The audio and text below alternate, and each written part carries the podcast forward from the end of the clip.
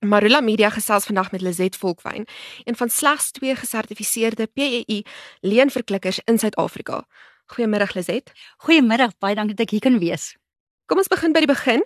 Wat behels dit om 'n menslike leenverklikker te wees? Wel, dit is 'n wetenskap wat Dr. Paul Ekman vroeg in 1900s begin bestudeer het. Hy het begin kyk na verskillende maniere. Daar's sewe byvoorbeeld universele mikroekspressies en hy het daarna begin kyk. En hy het gaan kyk hoe reageer die mense? Wat is hulle mannerisms om goed te verander wanneer hulle begin stories te begin versin en dit is waarna dit begin kyk. So om 'n menslike lewensverklikker te wees, moet jy daai wetenskap aanleer en dan kan jy dit begin toepas met die interaksie van mense. Hoe het jy in hierdie beroep beland? ja, dit het eintlik so met 'n ekstra bygekom. Ek het oorspronklik nadat ek amper 25 jaar in die koöperatief was, het ek besluit om 'n meester lewensafrigter te word. En ek het begin mense oplei en ek het hulle van punt A na punt B toe gevat en toe het ek begin agterkom ons almal jok. En baie keer vir my om so gou as moontlik iemand te kry met en resultate te sien, het ek agterkom van die mense hou terug. Weet jy, ek is op hierdie dieet, ek wil graag baie beter fikser word en goed. En nou kom ek agter maar hulle kom nie daar uit nie of ons wil graag in hierdie beroep ek beter word. Maar nou kom ek agter hulle pas nie toe die tegnieke wat ek hulle leer nie of daar's 'n ander iets wat hulle vir ons terughou wat ook alleen is. En toe kom ek agter om dit te kan elimineer want ons het 'n status om te op te hou. So ek wil gaan en sê weet jy wat jy vra my hoe gaan dit met my? Onmiddellik is my reaksie, dit gaan baie goed met my. Maar wat die waarheid is, miskien my geyser geblaas gisteraan. Ek is nie so gelukkig nie. Ek verlang na iemand wat ek nie eens ken nie. Daai tipe goed. En toe besluit ek, hoe kon ek kom dat ek baie vinniger die vaardigheid kan hê dat as iemand voor my sit of hy nou moetswillig en of hy onbewuslik vir my jok. Dit is so gou as moontlik by die kern van die probleem kan kom en daarmee kan ek hulle help. En toe begin ek navorsing en dit is ook by die PI Instituut gekom het in Manchester in Londen en toe ek daardie sertifisering gaan doen van menslike lewensverkwikking om na alle onderbewussyn tekens te gaan kyk.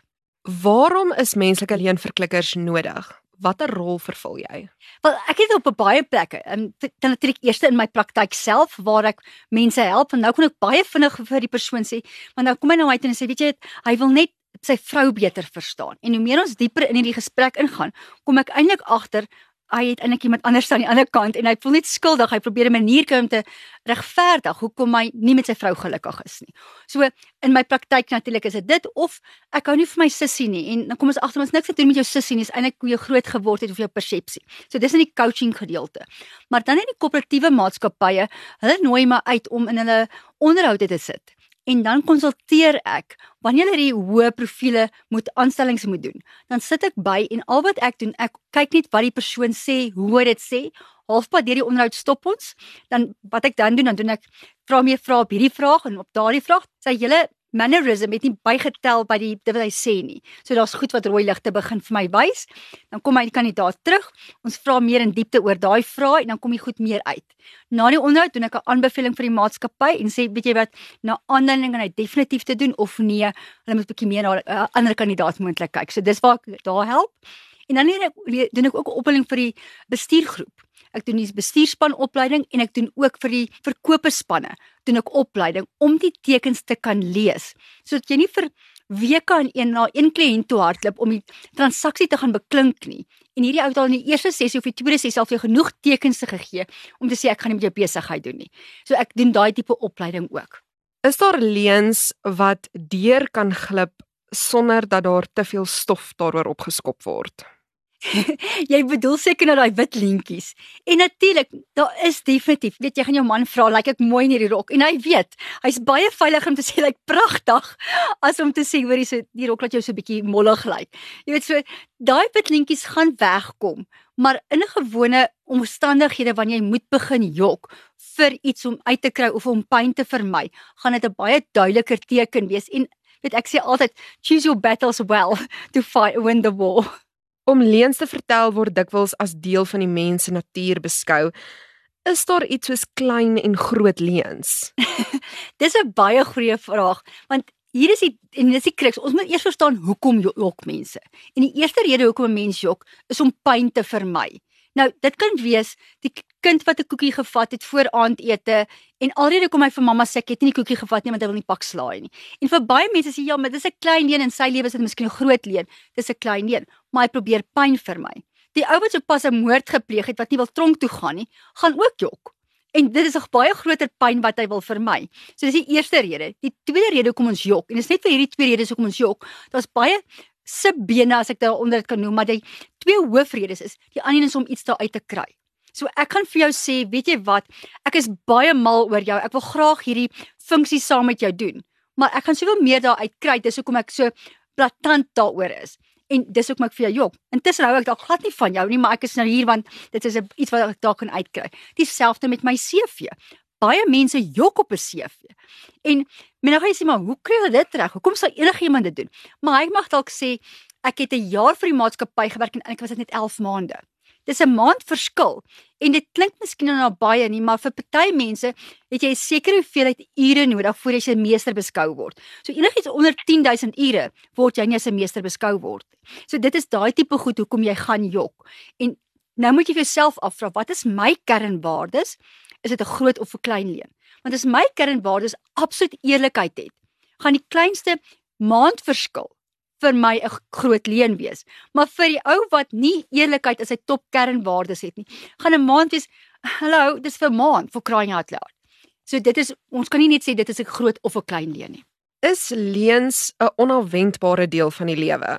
Wel, jy moet weet, die gemiddelde persoon jok ten minste 'n algemene 10 minute gesprek. Dis hoe erg dit is. Nou gaan jy sê maar nee nee nee, ek is baie eerlik.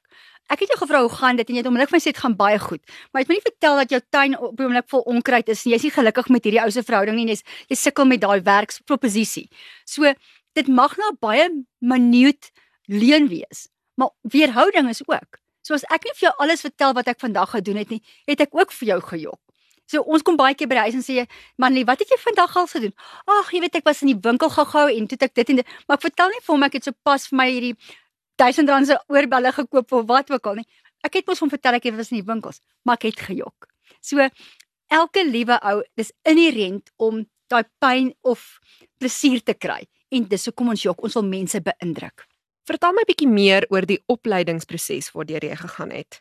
Vandag moet ek vir julle sê die Paul Ekman Instituut in Manchester het baie meer uitgebrei. Hulle is by in die Manchester Universiteit nou. Dis deel van 'n kurrikulum vir 'n graad.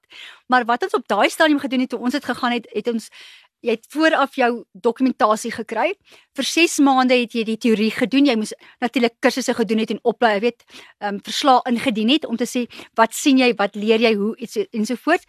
Daar moes jy 80% gekry het. Dan het jy ingekom in die prakties vir 3 weke, dit is 2 en 'n half weke om presies te wees. En dan het ek gegaan en ons het van 7:00 die oggend tot 7:00 die aand het ons elke dag prakties toegepas. Daar het ons met FBI ouens te doen gehad. Hulle het ons hier opleiding gegee waarvoor kyk ons die sewe mikroekspressies ensovoorts. So elke dag het jy daai prakties gedoen. En nadat jy teruggekom het 2 weke nadat jy jou prakties gedoen het, dan stuur hulle vir jou ungoogleable video's. so jy kan dit nie Google nie. Ons het letterlik daar jy twee gekry. Jy moet vir al twee bokant 90 kry om gesertifiseer te word. En as jy bokant 95 gehad het, jy natuurlik met eh, gekom. So ja, dit is wat jy moes deur gaan om dit te kan regkry. Vlag jou kundigheid soms by jou persoonlike lewe in. Ongelukkig ja, maar om dit by dieselfde asem ook sê, mens skakel dit maar bewustelik af. Weet 'n dokter loop nie in die mall rond en sê o, jy het 'n verkoue of jy is siek, ek moet jou help nie. Maar ongelukkig baie mense soos hulle gesels en en ons ontspan. Ek kyk nooit vir daai tekens nie want ek sê altyd as ek ontspan wil ek net gemaklik voel met mense. Maar partykeer kom 'n leen baie sterk deur. Ons moet 'n baie strong tell.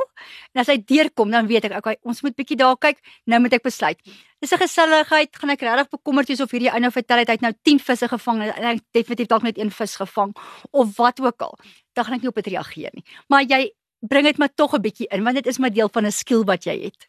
Jy het 'n groot kroos, 3 kinders, 5 kleinkinders. Het jy soms jou vaardighede ingespan om 'n paar kinderlike wit leuns oop te vlek? my grootste fout was ons het in 2013 het ek die kursus gedoen en toe ek my seun het klaar gelukkig getrou. So my dogter het daai September daai November getrou. En ek het die September my kursus gedoen. So toe ek terugkom, nou staan ons by die tafels en ons besig om na die blomme te kyk. En nou kan ek haar gesigsuitdrukking sien. Sy hou niks van hierdie blomme hier voor haar nie. Nou het ek haar uitgeroep op dit. En ek sê, ek kan sien jy hou nie van dit nie. En sy het probeer toe nou net die arme mense se gevoelens spaar en ek is soos ek is reg vir dit. En toe het ek besef, nie noodwendig hoef jy te reageer nie. So ek het nou al baie keer van daai wit leuns gesien en dan ritereer ek en dan dink ek ek op die regte tyd sal ek 'n ander manier vra en dan as die vraag deurkom. Is daar klein vaardighede wat Jan Alleman kan aanleer om self te kan bepaal wanneer daar 'n leuen vertel word? Beslis. Daar is minder as 5% in die wêreld wat natuurlik 'n leuen kan uitken of kan aanvoel. Die res van ons en ek is een van hulle het deur dan trekkie kursus gegaan om die leenverklikking te kan doen. Ek bied persoonlik nou die 11de die 12de November bied ek in Centurion bied ek 'n kursus aan om die basiese vaardighede te kan ken. So na die 2 dae gaan jy nou nie alleen verklikker wees in van formaat nie, maar jy gaan duidelik kan wees om 'n gewone gesprek te kan doen en die regte vrae te kan vra om dit te kan uitken en ook jy gaan die tegnieke hê. Maar daar is so baie tegnieke. Weet, ons praat van 'n reg onder jou neus is daar 'n kliertjie. Dit begin juk as jy jok. So daai ouens wat altyd hulle neus krap en begin hy pla Nou nie as jou man vandag jok en hy krap sy neus en sê dan jok hy nie. Jy moet dit in konteks verstaan. Maar dit het 'n effek. Die skouer is 'n effek. Jy weet die manier hoe ek praat. Ek kan byvoorbeeld glad nie my taalgebruik verander die oomblik as ek jok.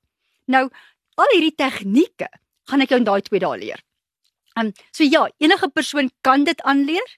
Die belangrikheid is om altyd te verstaan, moenie net 'n stukkie wat jy iewers lees vat en sê dis 'n leuen nie. Dit moet altyd in konteks en in diepte verstaan word.